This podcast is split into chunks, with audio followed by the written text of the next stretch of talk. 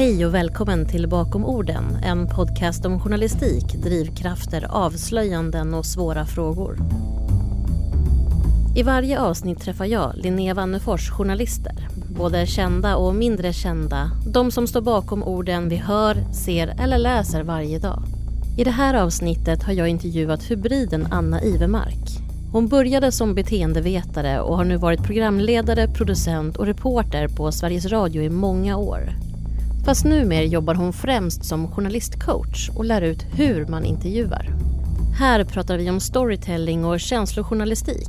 Hon berättar om radioprojektet i Rwanda som hon är involverad i och hur det var att coacha Magnus Uggla till att bli en bättre intervjuare.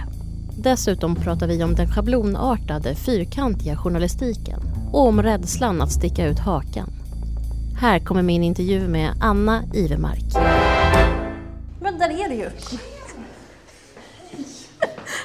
Hej! Ja, tackar, tackar. Det är bara lite vatten jättegärna. Ja, ja. Kan inte jag få mygga på dig redan nu förresten? Jo. Eh, Så. Så, så får vi med lite försnack också. Så. Ja, perfekt. Nu ska vi gå upp tänkte jag i ett litet rum som är här uppe. Jag hänger på. Ja. Hur känns det? Nu? Ja, Konstigt. gör det? Ja. Jag gillar inte att vara den som... eh, Jag gillar att vara den som ställer frågorna. Ja, okej. Vi får se hur det här går. Ja. Jag är också lite nervös ska jag säga med tanke på att du utbildar i intervjuteknik och så. Ja. Jag kände det när jag satt och skrev frågorna. Bara så här, okej, den är ganska lång men ja, ja, det blir mer ett samtal. Du kan vara helt lugn. Ja, precis. Så vi är båda för fokuserade på oss själva just nu. Okej. Om vi bara börjar i den ändan. Anna Ivermark, vem är det? Oj, Rent journalistiskt Rent säga. journalistiskt så är det en extremt nyfiken. Egentligen, eh, egentligen så kan jag nog säga att det är liksom egentligen reporter-Anna som är mest faktiskt eh, framstående. Den som älskar att vara på olika platser och få ställa de frågorna som hon vill. Jag har nog hela tiden under min bana haft att så länge jag lär mig något nytt, så länge jag får en fan, är det så här det hänger ihop, då tror jag att det händer någonting också i intervjun och sådär. Alltså, och jag tror att det händer någonting hos någon lyssnare också. Jag tror att blir man för slätstruken och man bara tänker att nu ska jag göra någonting för jag tror att du Linnea kommer att gilla det här. Så tror jag att man kanske blir lite försiktig och försöker, ja, det blir lite slätstruket. Så. så jag har nog väldigt mycket gått på mina egna liksom, mina egna frågor. Men sen kan det ju vara, nej, men nu jobbar jag med det här livsstilsprogrammet. Då är det ju, den, då är det ju ändå väldigt så här nischat. Då är det de frågorna vi ska ställa. Nu jobbar jag på dagsaktualitetsredaktion. Då kan man ju inte hålla på och bara säga vad undrar jag över. Däremot kan man hitta vinklar som är lite, de här har jag inte hört förut. Jag, menar, jag är ju liksom inte ung längre. Så att jag kanske inte går igång på kanelbullens dag. Bara för att nämna något. ja, men så. Ja, jag. Ja, men, jag Ja. förstår, jag menar att det kanske finns en viss trötthet i vissa ämnen. Liksom. Mm, mm. Men någonstans så kan jag tycka att det där är häftigt att ändå vara så pass gammal som jag är. Och liksom 56 år gammal och ändå fortfarande tänka åh, eh, det där är jag fortfarande nyfiken över. Liksom. Mm. Men du som journalist, Ja. reporter pratar vi om nu. Du har ju också andra sidor, producent, programledare. Men är det reporterrollen som är du mest du liksom? Nej, det skulle jag nog inte säga faktiskt. Utan eh, det är nog eh, det är nog lika mycket programledaren och producenten eh, och reportern. Men egentligen så är det nog att drivkraften är att få ställa frågor. Att få undra över saker och att få göra skeenden begripliga eller att faktiskt fördjupa vissa saker. Om man har hört din röst någonstans, Mm. Vad kan man ha hört dig då? Ja, senast var då Klara Corona i P1. Man har hört mig i Karlavagnen i P4. Eh, Man har hört mig i Radiopsykologen i P1.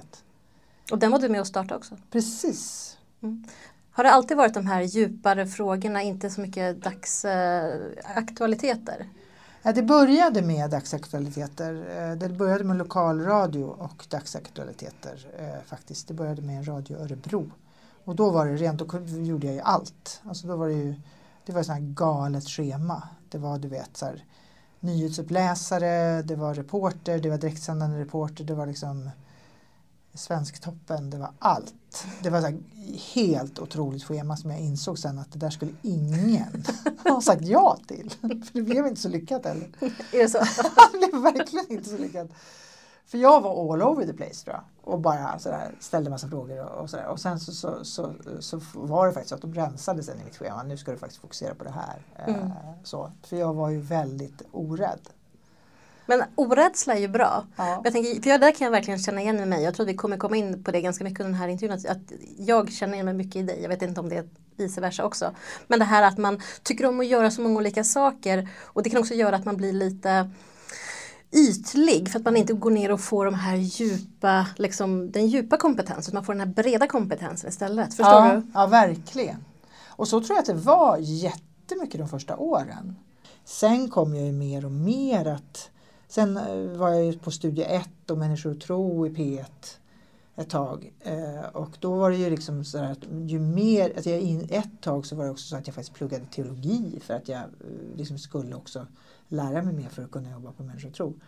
Eh, men sen kom det väl mer och mer att bli liksom ändå nischat mot relationer och livstidsfrågor och tendenser. Det var liksom Tendens var ett program som hette P1 då som jag jobbar med. Av allt du har gjort då, vad har varit roligast? Jag tror nog att, eh, jag vet inte om det var roligast, men det mest betydelsefulla för mig har varit radiopsykologen. På vilket sätt då?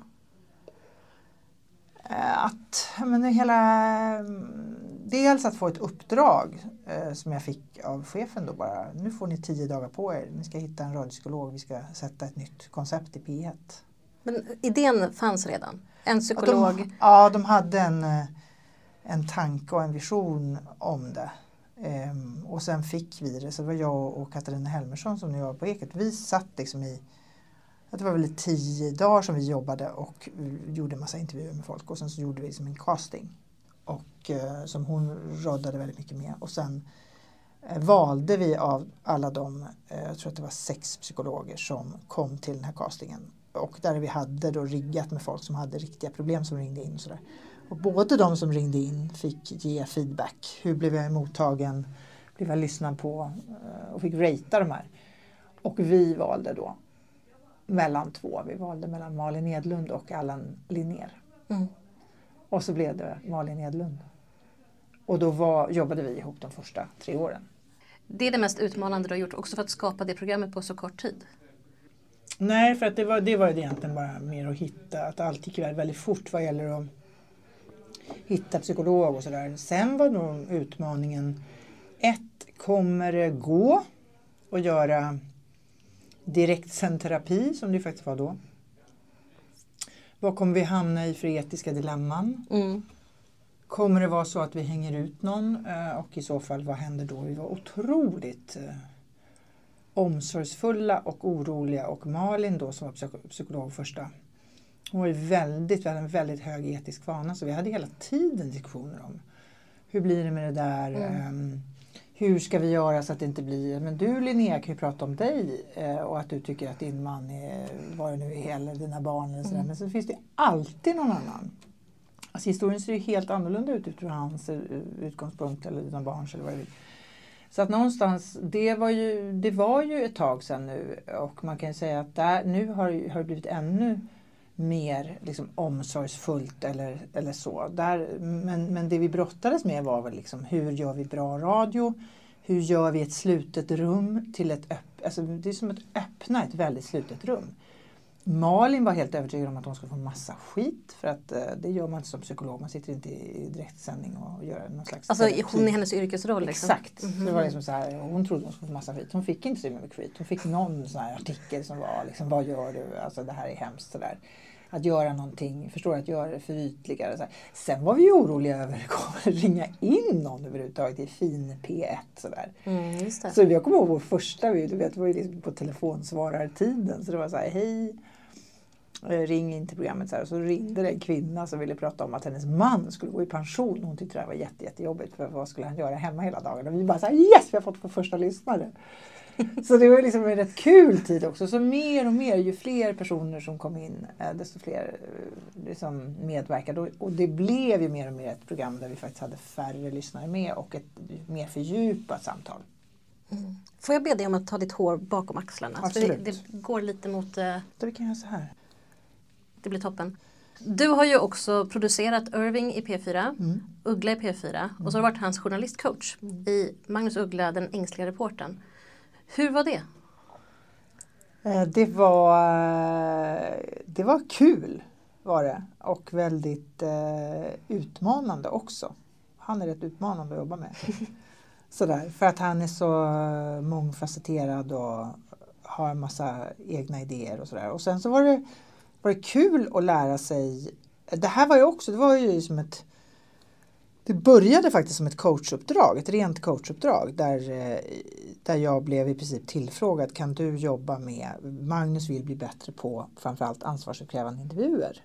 Varför ville han bli det då? För att han skulle börja sända P4. Ja, ja, ja, det var, det var Eller han ville bli bättre. Det var liksom så här, ska jag tacka ja till ett jobb på P4 så ska jag bli bättre på ansvarsutkrävande intervjuer. Och jag är skitdålig på det. Så, där. så mm. det var ganska rimligt. det var ganska självkritiskt. Och sen satt vi liksom ungefär som du och jag sitter nu i ett litet rum och så, så, så hade vi vår första möte och då säger han att jag vill bli bättre på det här och jag har vissa människor som jag tycker är läskiga att intervjua. Liksom och sådär. Och då tänkte jag, men då gör vi det. Jag ringer personer som han tycker är jobbiga att intervjua. Det kunde vara liksom, till exempel Thomas Nordegren ville han gärna intervjua för mm. att han mhm. tyckte kanske mm. att han verkade vara svår. Och då gjorde vi som en övningsintervju. Så med att, Thomas? Med Thomas ja. eh, och eh, vi intervjuade, eller han intervjuade honom och då skulle, fick han vissa utmaningar. Nu skulle han till exempel, för det var så att Magnus var jättenyfiken på hur det är att ha Tiger Woods som svärson. För att då var de, alltså hans dotter och mm. Tiger var, var ihop då. Och då sa jag okej, okay, men då ska du ställa den frågan, var ställer du den i, under intervjun? Och så, så hade vi liksom så här, och såklart så, så, så väntar han ju nästan hela intervjun, så ställer han intervjun sist. Och så ja. pratar vi, vad hindrade dig från att ställa den tidigare? Och så mm. Ja men det är ju läskigt, det är pinsamt och ska jag verkligen in där och snoka? Mm. Och, så där. och sen när vi gjorde några sådana här provintervjuer så sa jag faktiskt det till min chef då att eller jag, jag bara berättade om det och då bara sa han, men herregud Anna, det här är ju en podd. Liksom, det här är ju en poddidé. så då gjorde vi det som en riktig ja. process. Liksom. Och han liksom. var på det? Ja, han var verkligen på det. Ja, vad kul. Och det som hände då var faktiskt att han skruvade till det för då gjorde han det till underhållning. För, det, för, han tänkte hur kul ska det här bli att lyssna på? så han blev liksom lite den omöjliga adepten och jag blev den elaka coachen lite. Och det var en roll du kunde finna dig Nej, jag tyckte det var lite så här, jag tänkte så här, jag låter ju helt jättejobbig. Men det var också lite kul. Och så hade vi, blev det som en journalistskola. Häftigt. För jag tänkte nästan komma till det att både Irving då som du producerade och Uggla som du coachade. Ingen av dem är ju journalister i grunden. Utan vi som är journalister har ju det här, vi har en utbildning, vi har lärt oss liksom hantverket. Kanske till och med den längre vägen som vi pratade om innan. Att man får göra alla de här olika sakerna under sin praktiska utbildning om man säger. Mm. Vad tänker du om människor som liksom inte är journalister som ändå agerar som utfrågare och programledare och så idag? För det är ganska många. Ja. Um, jag tänker att vi ändå har en metod som de ju faktiskt inte egentligen kan. Och eh, att de har inte att förhålla sig till så här mycket saker som vi har. Alltså egentligen uppdraget för både Irving och Magnus var i princip att vara Alltså uppdragsbeskrivningen var att de skulle bara vara sig själva. Mm. Det får och, inte jag höra. Jag ska göra Precis! alltså det räckte liksom. Medan vi håller på och grejer, vi, ska, vi ska, får inte förlora vår trovärdighet. Och, de skulle bara, han skulle ju kanske, Irving skulle kanske inte dansa men han skulle ändå liksom ha någon slags entertainment och uh, Uggla skulle vara uh, så att de hade ju helt olika, de var ju anlitade för att de skulle vara de de är. Sen vet jag inte om, kan, man kan tycka vad man vill om det där. Eh, är det de som ska, det där är tycke och smak. Jag vet inte om jag tycker sådär jättemycket om det. Faktiskt. Och det är väl också helt okej. Mm. Det här är ju en journalistpodd. Mm. Så jag tar upp det lite av den anledningen också att, eh, att vara medie arbetare och att vara mm. journalist är ju liksom inte samma sak. Men de kan gärna gå ihop lite också för att mm. media är så kreddigt. Mm. Och journalistjobbet har också blivit lite kreddigt. Liksom. Mm. Så jag var nyfiken på din inställning. Men om vi går tillbaka till det här med känslojournalistik. Mm. För det har jag läst det begreppet någonstans. Att du gärna, ditt måste är mera känslor i radio. Du vill prata om känslor. Liksom. Varför är känslojournalistik viktigt? Jag tror dels att det handlar om att vara mindre ensam. Alltså att vi också har ett uppdrag att, alltså hög identifikation. Eh, sen tycker jag att det handlar om storytelling också. Att på riktigt få fram känslor som är någonting som händer i stunden. Och det tycker jag, där tycker jag faktiskt att radio är helt oslagbart. Att händer det något mellan dig och mig nu här så kommer alla höra det. Det är som att i tystnaden, i, i att våga. Eh, det som, jag har liksom en jag har en grej med det där att jag tror att vi är alldeles för hänsynsfulla. Vi tar alldeles för mycket hänsyn. Liksom. Nej men där går jag nog inte, nu verkar det känsligt. Liksom. Vi säger att du kanske, nej men nu vågar jag inte ställa en fråga till även om jag verkligen vill veta hur var det egentligen att ha en son som fick PTSD under kriget och liksom dessutom blev rasistisk på kuppen. Liksom. Vad händer med dig som mamma då? Och är det så att du sätter upp en gräns och jag slutar fråga dig, eh, då tycker jag inte att vi har gjort vårt jobb. Vi ska våga ta det extra steget. Liksom. Exakt. Och är det så att du sätter upp en gräns och säger nej Anna, det vill inte jag prata om. Då behöver jag utforska vad handlar det om eller vad. Men jag behöver ha gjort mitt grundjobb innan. Alltså att liksom vara så respektfull som möjligt, vara så liksom detaljerad med ramar och sådär. har jag den, har vi den liksom relationen, då tror jag att man kan gå ganska långt liksom i att våga ställa också obekväma frågor. Så kanske till och med handlar om eget ansvar. Vi säger att du ringer in till Karlavagnen och så sitter du på en offerkofta och tycker jättesynd om dig själv och det är liksom elände och du vet, det är underbart att vara offerkofta. Och sen eh, bara, ja men du då, hur, vad har du gjort för att förändra din situation? Då brukar det ofta bli tyst sådär. Det tycker jag också det kan vara en att inte bara köpa det. Att känslojournalistik kan jag också tycka ibland är svår. För att det gäller att hitta, mm, det är inte bara att på något sätt tycka synd om utan snarare eh, skapa eh, skav också. Och eh, att det inte är lätt att vara människa alltid. Vi ska prata om hela din den här resan, hur du inte började som journalist men blev journalist. När du tänkte att du skulle bli journalist, tänkte du hårda nyheter eller tänkte du redan då det här andra? Nej men det intressanta är att jag tänkte ju aldrig att jag skulle bli någon journalist. Utan jag, jag utbildade mig till beteendevetare och sen så, så råkade jag hamna på under min praktik så hamnade jag på lokalradions liksom, mm. personalavdelning eh, på utbildningsavdelningen. Det är det som är så himla spännande. Där träffade jag en kvinna som heter Solveig. Och Solveig tittade på mig. Va? Du, personaladministratör? Aldrig i livet. Du ska jobba med radio. Sa hon det? Ja. Det var häftigt att få höra. Så hon blev sådär, ja men det kanske jag ska göra. Och sen började jag då söka jobb faktiskt. Eh, och började faktiskt i växeln på Radio Stockholm. Eh, och jobbade i växeln. Precis, i växeln. Det är inte riktigt att du var journalist eller Precis. Och sen var det liksom den långa vägen. Så mm. Sen började jag jobba på Radio Örebro och Radio Värmland. Ja, så att någonstans så blev ju det, och då blev jag kanske mer och mer inskolad i journalistik. Men jag tror att om man går journalisthögskolan, du har gått journalisthögskolan? Nej, jag gick Södertörns högskola. För då tror jag man blir liksom kanske också mer, jag tror rollen blir mer, förstår du, man kanske skolas in i rollen mer om man går en journalistutbildning som är liksom lite längre på det sättet. Mm. För mig var det mer att jag eh, undrade över saker och sen mer och mer kom in i journalistjobbet. För jag tror att både du och jag är präglade av journalistens blick på samhället där vi också måste skapa en dramaturgi. Okej, okay, den är ond och den är god och den är dum och den är vad du mm. vill. Och det där tycker jag egentligen ibland blir ett hinder. Jag vet inte hur du tycker, att det blir liksom ett hinder i livet att det är inte så enkelt. Absolut. Ibland är det svårt när man ser oförrätter att inte vilja rapportera om dem. Eller om man är med om oförrätter och inte kan rapportera om dem. Precis. För man är caset själv liksom på något sätt. Och har för mycket investerat i det som händer. Exakt. Jag borde bli wallraffare. Kanske, jag vet inte. Men du har beskrivit dig själv som en typ av hybrid. Ja. Jo, för att det, det, det är ju det att, att jag liksom började i beteendevetarspåret och, och läste eh, P-linjen på, på Uppsala universitet. Och att det var liksom det spåret som, som jag tänkte. Sen så bytte jag ju och blev journalist och jobbat med radio och tv och ja, mest media i jättemånga år. Och sen de senaste 15 åren har jag faktiskt mer och mer gått åt det som jag faktiskt började, började nämligen eh, snarare utveckla andra. Alltså jobba med utbildning. Och det är ju liksom på ett sätt mer beteendespåret och att kanske coacha fram, vara bakom folk istället för att liksom vara, vara framme där själv. Och då tänker jag att hybriden är väl att jag både jobbar med utbildning, kompetensutveckling och coachning och journalistik. Och kan väl se ibland att jag blir en sämre journalist av att vara Alltså när man går coachutbildningar så då handlar det om liksom att hjälpa en annan människa. Att jag ställer frågor för att hjälpa dig komma vidare i ditt liv. Som journalist så ställer jag en fråga för att hitta en historia. Och då kan folk kanske tro att ja, men Anna är ju så himla härlig hon vill mig ju bara väl men jag har ju ett annat syfte. Jag vill ju inte dig alltid väl.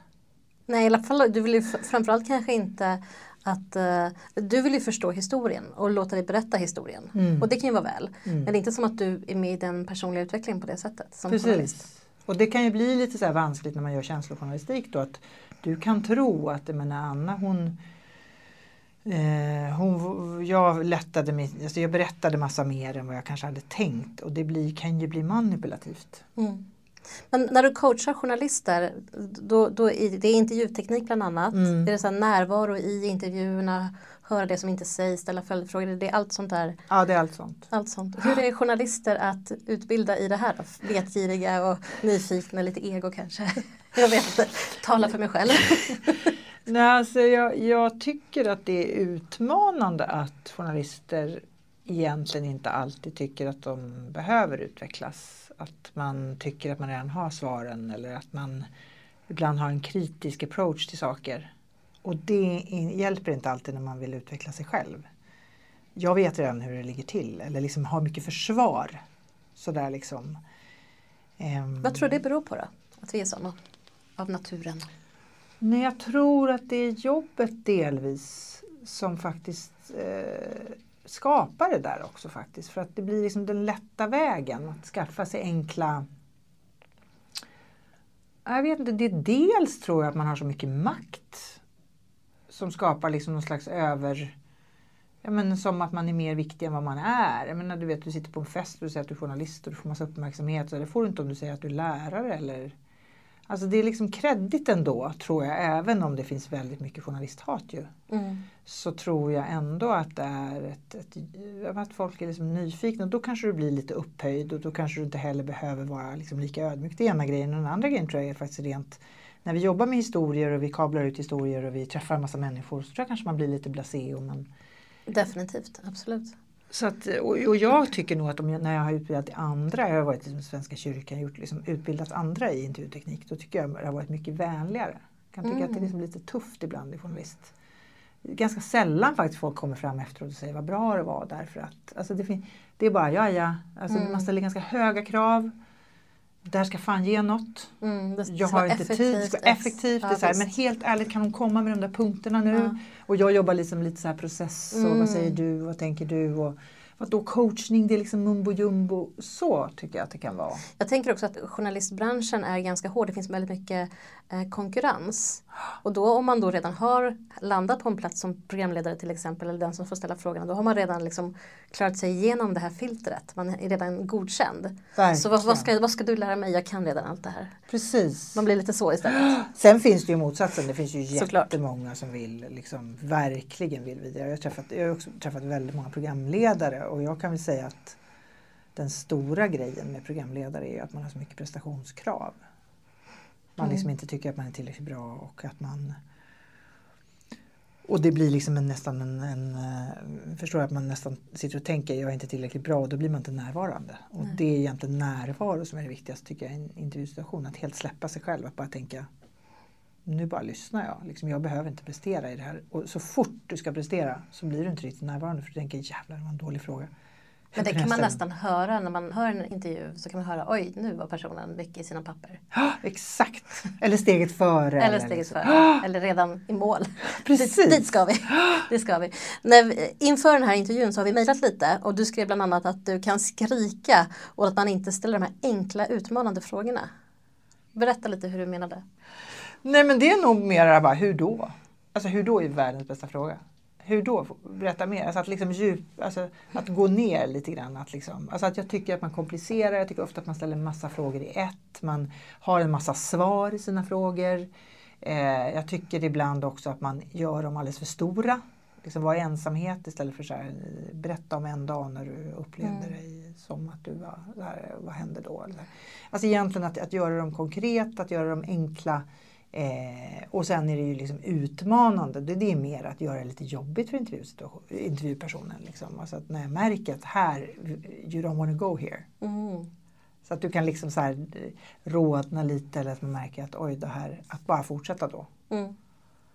Och ställa liksom frågor. Men är det inte ett problem då att vi, ofta befinner, vi journalister ofta befinner oss i en ganska pressad tidsram?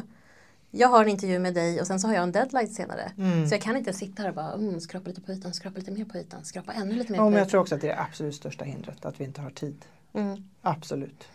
Men jag menar man kan ju själv gräma ihjäl sig när man lyssnar på jag, gjorde en, do en dokumentär som heter Krigaren som handlar just om en man som fick PTSD efter att han har varit med om att hans bästa vän dog under en, i Afghanistan under en, det var en, en bomb där då. Och han, eh, när jag liksom lyssnade på när jag lyssnar på alla de timmarna som jag hade hängt med honom så inser man ju jävlar vad jag missade där. Där lyssnade jag inte alls.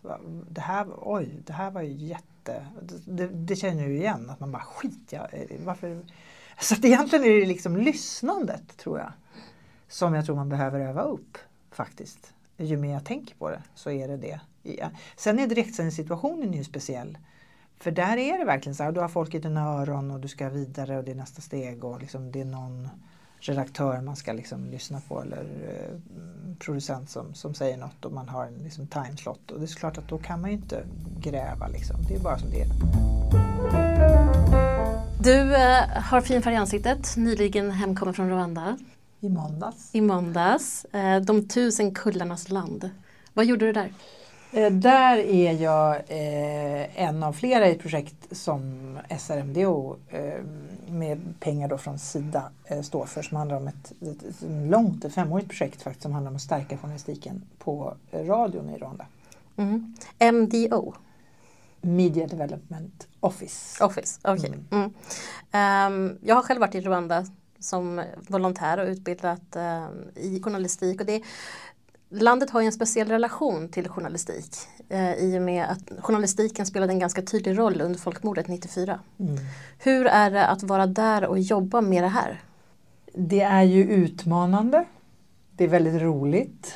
Det, man måste vara väldigt, väldigt kreativ, eh, tycker jag. Eh, sen är det ju såklart att hela landet är ju inte bara de som jobbar med radio. Jag tycker nog eh, ändå att hela det faktum att radion var propaganda för massa hemskheter då under, under eh, 90-talet. Det är såklart att det har varit någonting som de har jobbat med. Att det har liksom funnits där. Nu tycker jag att den stora utmaningen är att de går från att vara state radio till att bli public radio. Så det som deras målet för hela projektet är att liksom bli en mer oberoende radio. Och vad är då oberoende? Exakt. I deras kontext. Exakt. Och vad är att göra kvalitetsjournalistik? Vad är att höra två sidor? Vad är att ställa en ansvarsutkrävande fråga?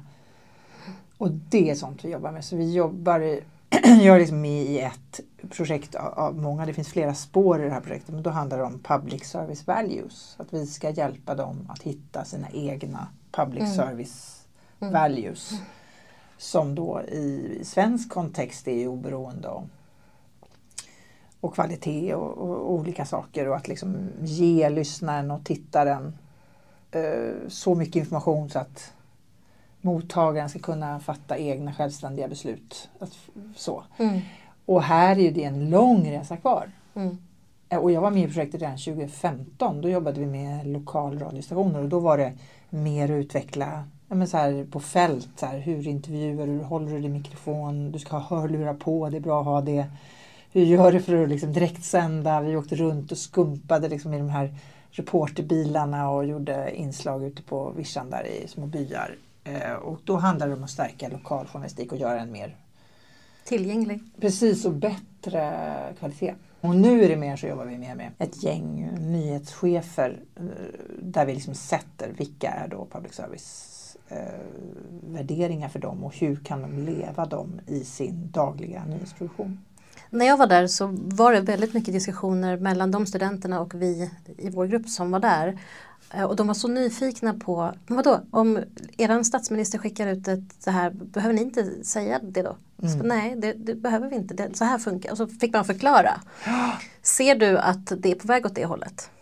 Jag ser att det som har hänt på den här tiden som jag har varit involverad, som faktiskt ändå är åtta år, det som jag ser är att då var det väldigt mycket mer sån här eventjournalistik. Precis som du säger, man åkte på ett event som presidenten, eh, det gör man ju fortfarande. Man åker på de här eventsen som man tänker, det här behöver vi täcka. Men man hittar egna vinklar.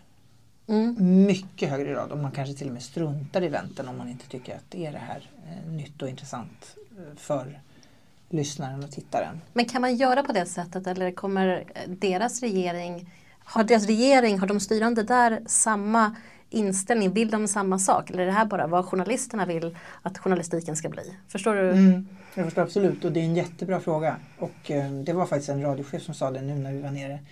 Han sa att det kanske är de som också behöver utbildning för att förstå vad är radions roll? Alltså vad är det vi har för roll? Och det här sitter dels i alla enstaka journalister som kanske kommer ut från en utbildning och vill en massa saker och så insåg att nej men vi måste göra som presidenten säger. Eller vi måste föra ut det här budskapet nu. Eller vad skulle hända om jag ställer en, eh, en jättejobbig fråga? Kommer, jag, kommer mitt jobb att ryka då? Så det är, liksom, mm. det är helt andra frågor där, som de liksom går med. Men också att vi tycker jag behöver vara lite kanske mm, ödmjuka inför att inte heller komma och säga att så här är det eller så här är public service. De frågar oss nu så här, men hur har ni gjort? Hur, hur har ni kommit dit där ni är idag? Och, så där. och då sa min kollega Kerstin, men det är liksom i vårt DNA. Det är liksom mm. en enormt lång väg för dem att gå. Och, så att vi tar, vi säger hela tiden step by step det första steget nu är, som vi jobbar med, det är liksom hur kan de få in fler röster i sin radio, fler affected people, sådana som faktiskt berättar egna historier, inte power. Liksom. Mm. Eh, alltså bara så här, nu ska ni göra så här, nu har regeringen, nu har de skänkt hus här, till den här byn, nu åk ut och gör någon grej med det. Och gör man inte det då så har man inte gjort sitt jobb, det kanske de tycker då. Men då måste de fatta självständiga beslut. Det är väl det vi jobbar med. Och det är jätte jätte, jätte inspirerande men också svårt. Ibland blir man bara så här, men gud det kommer ta så otroligt mm. lång tid. Åter till dig. Du har gjort otroligt mycket. Två dokumentärer, Krigarna var en av dem, Stjärnfrisören den andra. Mm. 2015 och 2016. Du producerat massor med program, programlett, intervjuat. Vad tänker du om din karriär när du ser tillbaka på den? Jag tänker på att jag är bara en liten skit. Hur då?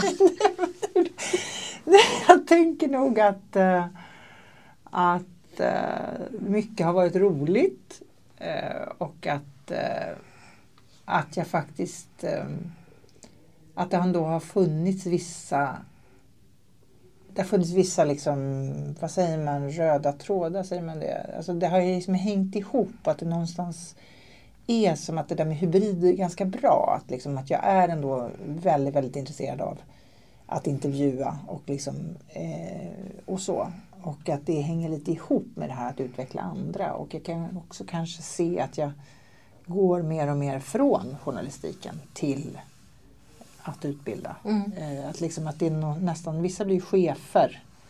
Alltså när man blir äldre så går man inte igång lika mycket på att göra de här snabba grejerna kanske. Och där är jag nog nu, att, att det ska vara, menings, ska vara meningsfullt. Så på vilket sätt blir det här meningsfullt för en lyssnare eller en tittare eller en, en läsare? Liksom. Och då är det ibland så går jag igång ännu mer på att se att du gör framsteg i en kurslokal. Liksom. Att, eller att man coachar någon och bara känner så här helt fantastiskt hur den här personen har blivit så himla mycket bättre bara på några enkla. Mm. Förstår man har träffats fyra gånger. Man bara gånger. tweakar lite och så ja. blir det stor skillnad. Liksom. Otroligt. Men just det här med att bli chef då, det har aldrig lockat dig? Inte alls. Var är du född och uppvuxen någonstans? Jag är uppvuxen strax utanför Stockholm. Hur har den här uppväxten präglat eh, dig som journalist eller din journalistik? Det faktum att jag är mellanbarn har präglat mig väldigt mycket i alla mina samarbeten och att jag vill få ihop saker och ting jag hela tiden vill få alla med på tåget och har svårt liksom när... Ja, men det är väldigt mycket mellanbarn. Du vet, jag vill få ihop grejer hela tiden och ta ansvar för alla andra eh, hela tiden. Eh, att det har präglat min journalistik eh, tror jag såklart. Kommer man från storstan så ställer man nog en viss sorts frågor. Att jag tror att jag har något, något slags vet inte om det är mod eller aningslöshet. Att kasta mig ut i grejer. Och det kanske jag har fått med mig på något sätt. Alltså att det liksom ändå varit tryggt. Förstår du? Någon slags Mm. självklarhet i att jag... Mm. Det är väl okej att ställa den där frågan. Alltså Ungefär det... som en katt som bara hoppar och landar på fötterna ändå. Ja men lite så. Jag, jag fattade nog inte i början hur galet det var att börja jobba på Radio Örebro och hade liksom ingen koll.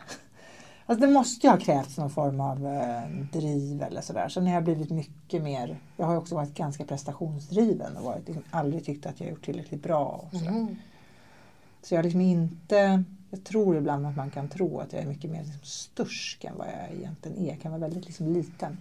Men det känns som att eh, du som har så många järn i elden och det känns som att du alltid går från klarhet till klarhet. Att då inte känna att man gör tillräckligt bra, är inte det en väldigt svår kombination? Jo, Ledande fråga. Men jo verkligen. hur svår kombination är det? Nej men det är, det är jätteintressant det där. För att jag, jag läste, jag tror det var någon bokmässa någon gång så var det någon som, kvinna som pratade om en bok som hon hade gett ut som hette När hon pratar om starksköra människor. Starkskör. Ja, att man är liksom starkskör. Hur är man då? då? Att man kan vara oerhört stark och eh, du vet, ha jättemycket tillgång. Men så är man extremt skör också. Att man kan ha sina liksom, Mm. dippar. Så där. Och det kan jag också verkligen ha. Jag kan känna mig jätteliten så, och inte tycka att jag är värd någonting alls. Men det där kanske också skapar en inlevelseförmåga. Att man kan nosa sig till sånt hos andra. Så att liksom försöka vara på, det tycker jag också är en sån intervjugrej. Att vara på den andra personens planhalva. Hur är det att Mm. vara Linnea eller Björn eller Mm. Alfred eller vad det nu är.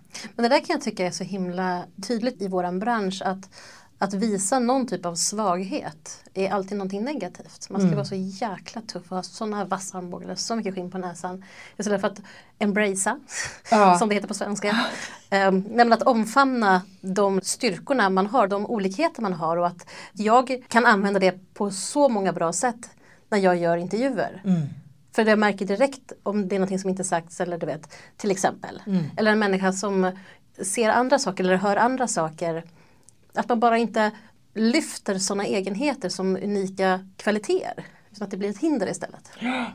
Det är jättesant. Jätte, jättesant. Jag tycker överhuvudtaget att våga prata om sårbarhet. Och jag fick det tipset faktiskt en gång av en jätteduktig person som är väldigt bra på att hålla kurser. och så där. Och hon sa att det är alltid väldigt bra att öppna en kurs med att berätta en historia där du på något sätt visar dig sårbar. Mm. Som har bäring på ämnet.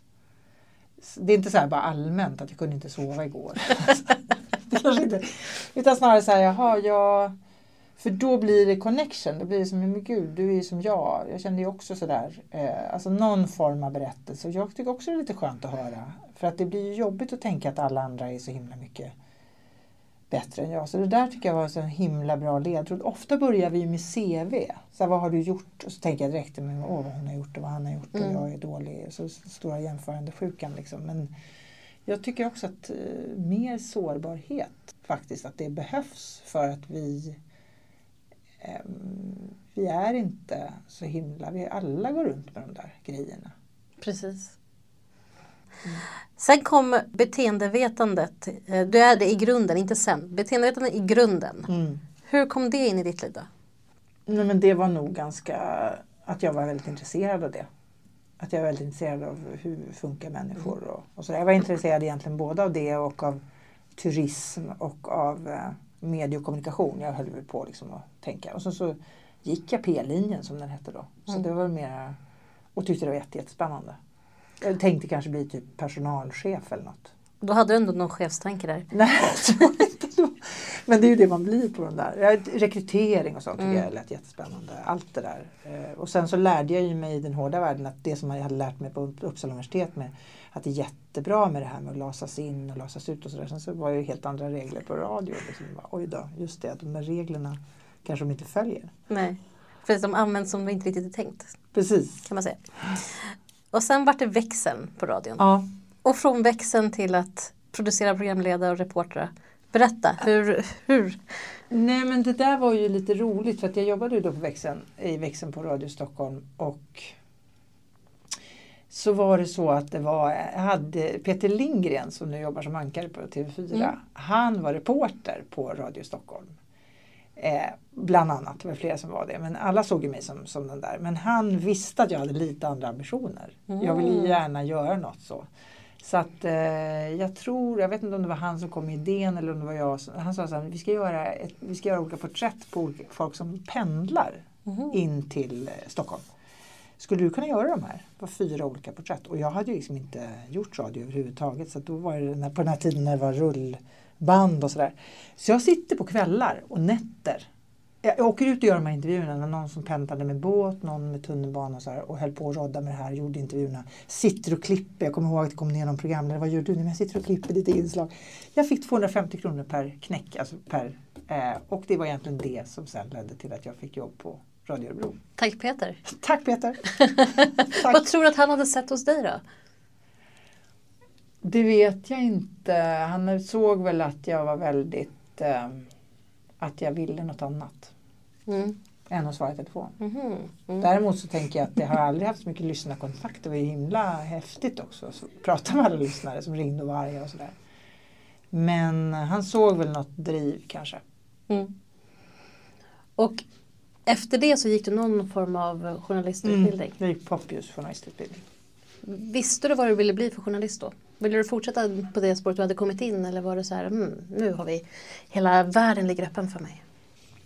Det var nog lite, jag tror att det blir lite också. Man kommer in på något, kommer in på lokalen så leder det ena till det andra. Det är mycket så, både att folk hör av sig och säger hej. Eller att jag gjorde någon grej på Studio 1 och sen blev det liksom tendens. Det var liksom där, alltså efter några år så började det utkristallisera sig. Liksom att, eh, men det var radio hela, jag jobbade med TV också på Kvällsöppet. Och sen var det Taxi som var ett livsåskådningsprogram. Så det har liksom rört sig i mellanmänskliga relations... Det är de här röda trådarna du pratade om Ja. förut. Mm. Faktiskt, alltså att det har rört sig väldigt mycket där. Eh, Ja, Vad drivs din journalistik av? Det är väl eh, nyfikenheten och att ta reda på hur hänger det ihop egentligen. Det här verkar... eh, Det kan dels vara liksom en idé bara. Jag fick ju bara en idé. Jo, men jag tänkte bara senast nu, jag har en mamma som är dement. Och vi var på något möte där, här anhörigmöte, så tänkte jag åh, jag skulle vilja skildra det här.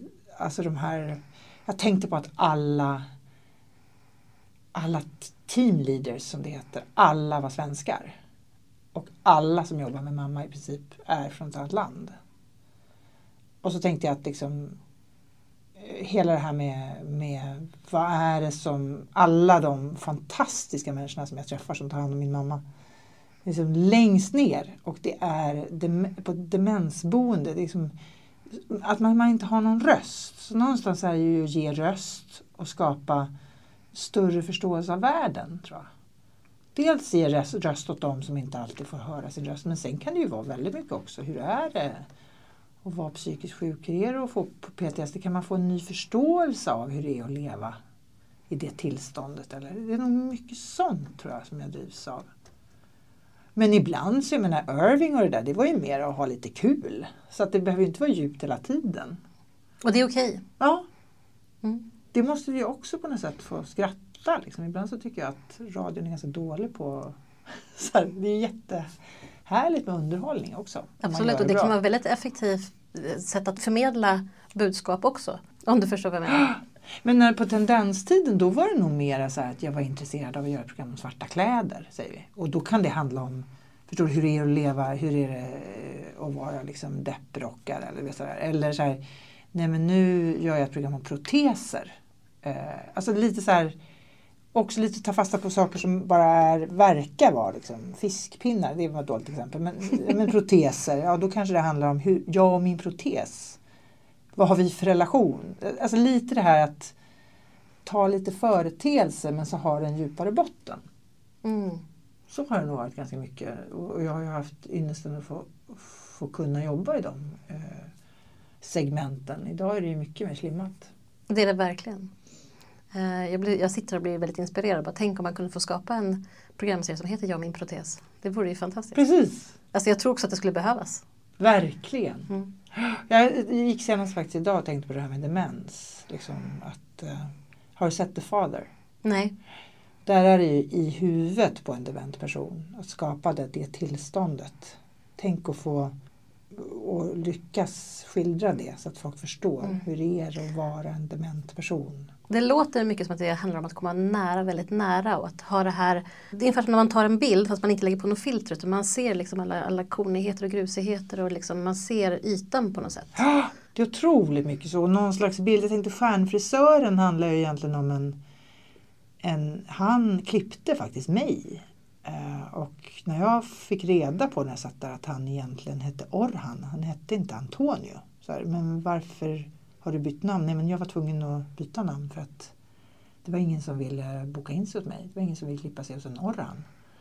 Och sen bara, han klippte överklassen då. Och sen var det nästa grej, jag var tvungen att, eller jag opererade min näsa. Eh, jaha, vad gör man för att få kunder? Det tycker jag också är så spännande. Det är någon slags fråga, någon slags liksom spegling av samhället och hur det står till och sen så hitta någon form av historia i det där. Ja, det tror jag är min drivkraft. Vad inspirerar dig då? Jag tycker eh, att dels hur man gör det, att det är en berättelse som verkligen berör. Alltså så här duktiga hant, Det är som ett hantverk tycker jag, reporter. Att du vet, man är helt bara inne i den här historien. Det tycker jag är jätte... Jag tycker också den här, han som har gjort den här Ekerösvindlaren, har du hört den? Nej. Det tycker jag också man, man tar fasta på. Någon, jag, jag råkade bli, han råkade bli lurad på en barnvagn som han skulle, skulle köpa. Eh, det visade sig att den här barnvagnen den fanns inte på det där stället. Adressen så blir det som en lång serie som handlar om att den här personen är en stor bedragare. Det tycker jag också så här, man börjar i lilla och så blir det en stor mm. berättelse. Eller folk som har den här unika förmågan att bara gå Alltså Randi Mossige Norheim är en sån här eh, förebild. Hon sa någon gång att var trogen dina egna iakttagelser. Så hon kan ibland sitta, hon satt någon gång på, på någon spårvagn nu till Bromma och så insåg hon att det klev på folk som hon tyckte inte liksom riktigt passade in där. Kan det vara så att alla de här åker hem till hem och städar på dagarna? Liksom? Och så, så blev det starten på ett program om de som städar hos andra. Och så att hon är väldigt mycket så tycker jag att, att vara trogen det man ser och det man undrar över och försöka hitta historier där. De finns ju överallt. Tror du att vi som är journalister idag, eller de som kommer in kanske i branschen, eller de som jobbar heltid som journalist idag, har den tiden, den möjligheten att faktiskt göra det? Eh, iaktta och sen liksom bara följa en tendens man tycker sig se och gå ner på djupet där? Jag vet inte. Jag vet inte om den tiden finns det jag tycker är det största hotet eller det, det jag tycker är oroväckande det är ju att man inte heller är trogen sina egna iakttagelser eller sina egna frågor. Det märker man inte minst i Rwanda. För vi frågar så här, varför gör ni inte mer grejer om... Ni är unga. Varför ställer ni inte frågor om... Ni gör massa president, alltså ni gör massa sådana saker som ni tror förväntas av er. Och så tycker jag att det är på, på stora redaktioner här i Sverige också. Vi gör någonting, vi kommer ut, vi kanske har en massa frågor men vi är så himla duktiga hela tiden. Mm. Istället för att tänka, nej men, nej men nu vill jag göra något, eh, jag vill ställa den här frågan. Eh, eller så är det det att det är för homogent, att vi, vi inte lyckas hitta, alltså att, att, att det är för tufft att bli journalist idag. Eh, att vi behöver liksom fler röster och jag tror att man kanske också behöver kämpa för att få den där tiden. Men då har vi ju laseriet som skapar en massa prestation. Jag är inte bättre än mitt senaste knäck. Så är det definitivt. Otroligt mycket så. Jag tror att det skapar den här prestationsångesten. Jag jobbar ju en hel del med Sverker Olofsson. Han brukar alltid säga men det, det är inte så märkvärdigt. Du är inte så märkvärdig. Du kommer inte dö för att du gör en dålig grej. Men, men ibland känns det så. För att om man bara är så bra som sitt senaste gräv, mm. knäck eller så. Mm. Och så gör man det inte något bra. Mm. Då, kan, då är man ju livrädd att det här är spiken i kistan. Exakt så. Precis så. Och då vill man passa in och så vill man göra saker som man tror förväntas av en. Och då kanske man inte är trogen sin egen röst eller sin egen undran. Man kanske inte ens vågar fråga men vem är det där som jag ska intervjua eller sådär. Och den vägen går vi väl alla men jag, jag önskar att man både vågade rekrytera folk som ställer andra slags frågor eller så. Men också att man kanske hade folk på våra journalisthögskolor som det är ju så hög antagning så det är väl också svårt. Alltså det blir, det blir liksom lite för slätstruket ibland. Så man kanske inte... Sen så tror jag att förhållandena är ju helt andra. Vi lever ju som ett medie... Ja, men hur många poddar finns det inte? Inför arbetet med den här podden, det har du säkert hört om du har hört på något avsnitt också, så gjorde jag en undersökning på sociala medier och fick in väldigt mycket ris och ros, vad man tycker om svensk journalistik. Vad tycker du funkar eller inte funkar med svensk journalistik? Jag tycker att det väl finns två, alltså det ena är väl att det är att jag tror att är man i nyhetsjournalistiken som jag ju faktiskt inte är i nu men jag har ju haft att göra med många eh, som jag faktiskt också anlitat som föreläsare som har berättat att man är väldigt påpassad.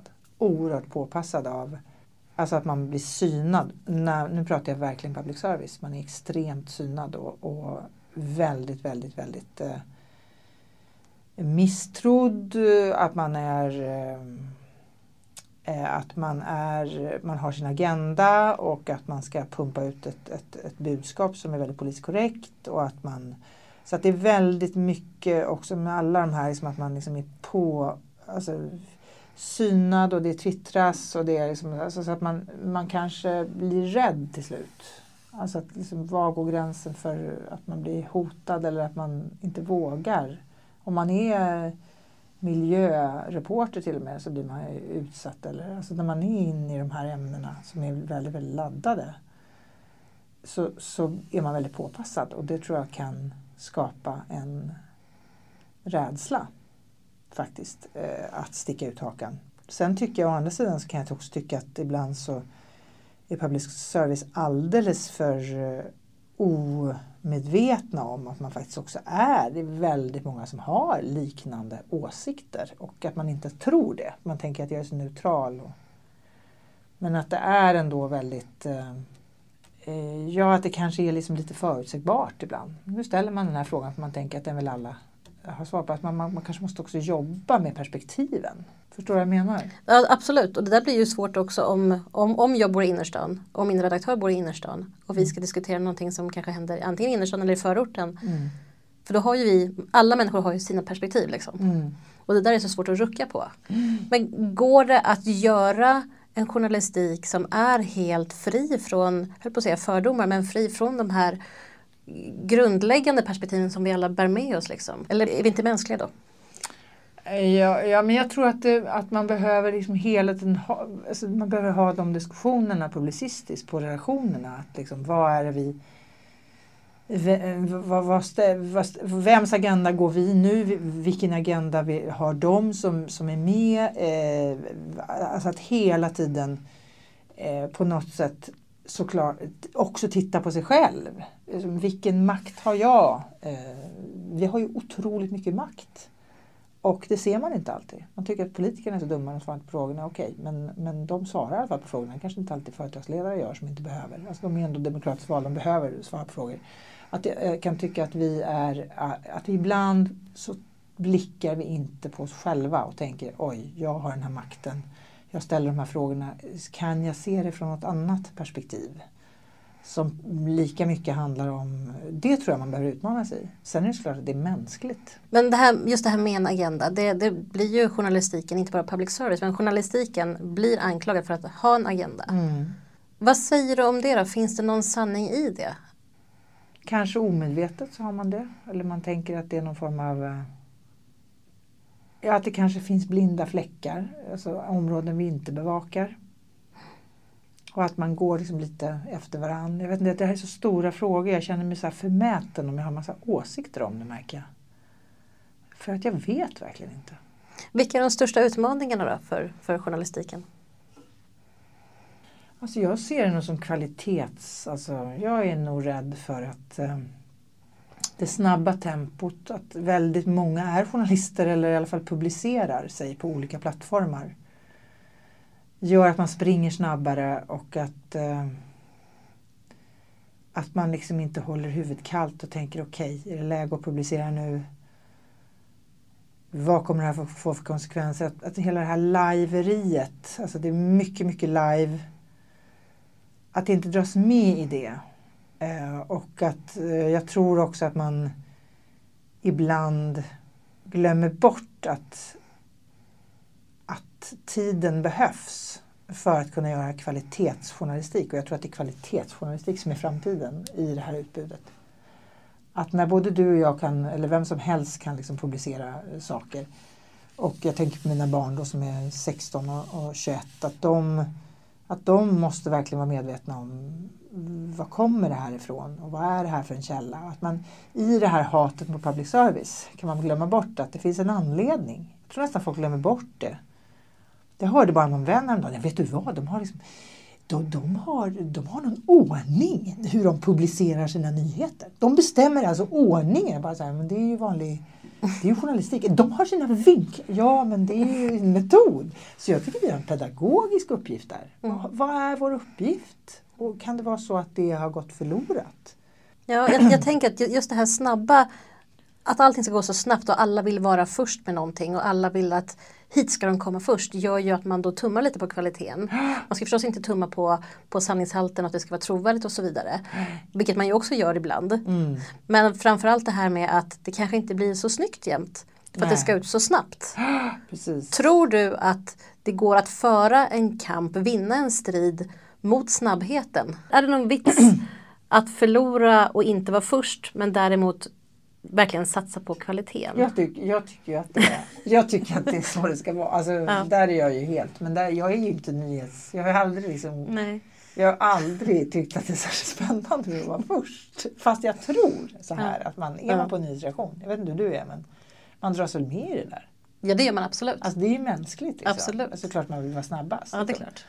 Och man kan väl inte säga med heden i behåll för att det är väl en del av journalistiken att man vara först, det är liksom nytt.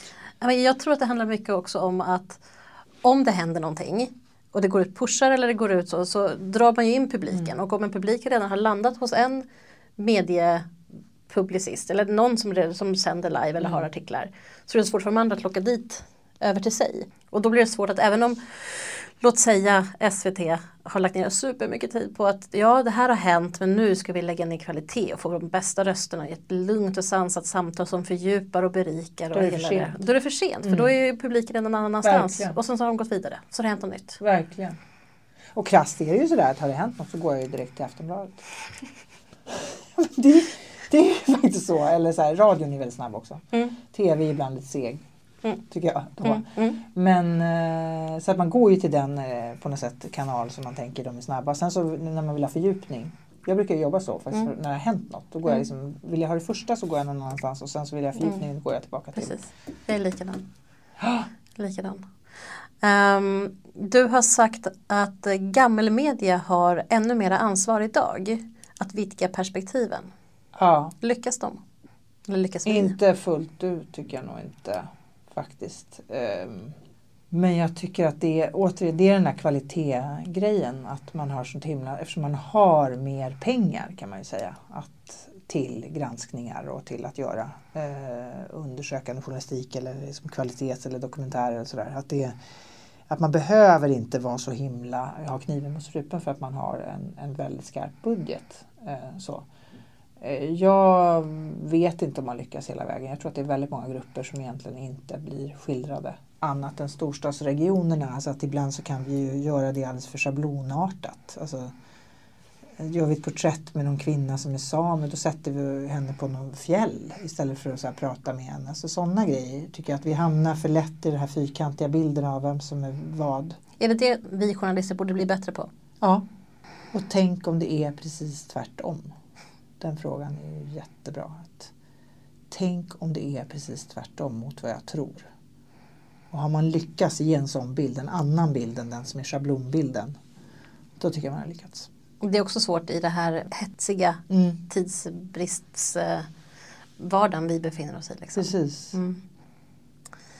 Det börjar bli dags att runda av. Hur skötte jag mig? Frågandet. Jag tycker att du, vad har vi för skala? 0 till 5? Det kan vi säga. Jag tycker du sköter dig väldigt, väldigt bra. Jag tycker att du är väldigt nära en femma. Oh, så ja. du vill inte skrika? Nej, jag vill inte skrika. Absolut inte. Tack snälla, det, ja. det blir, jag är lite mallig här.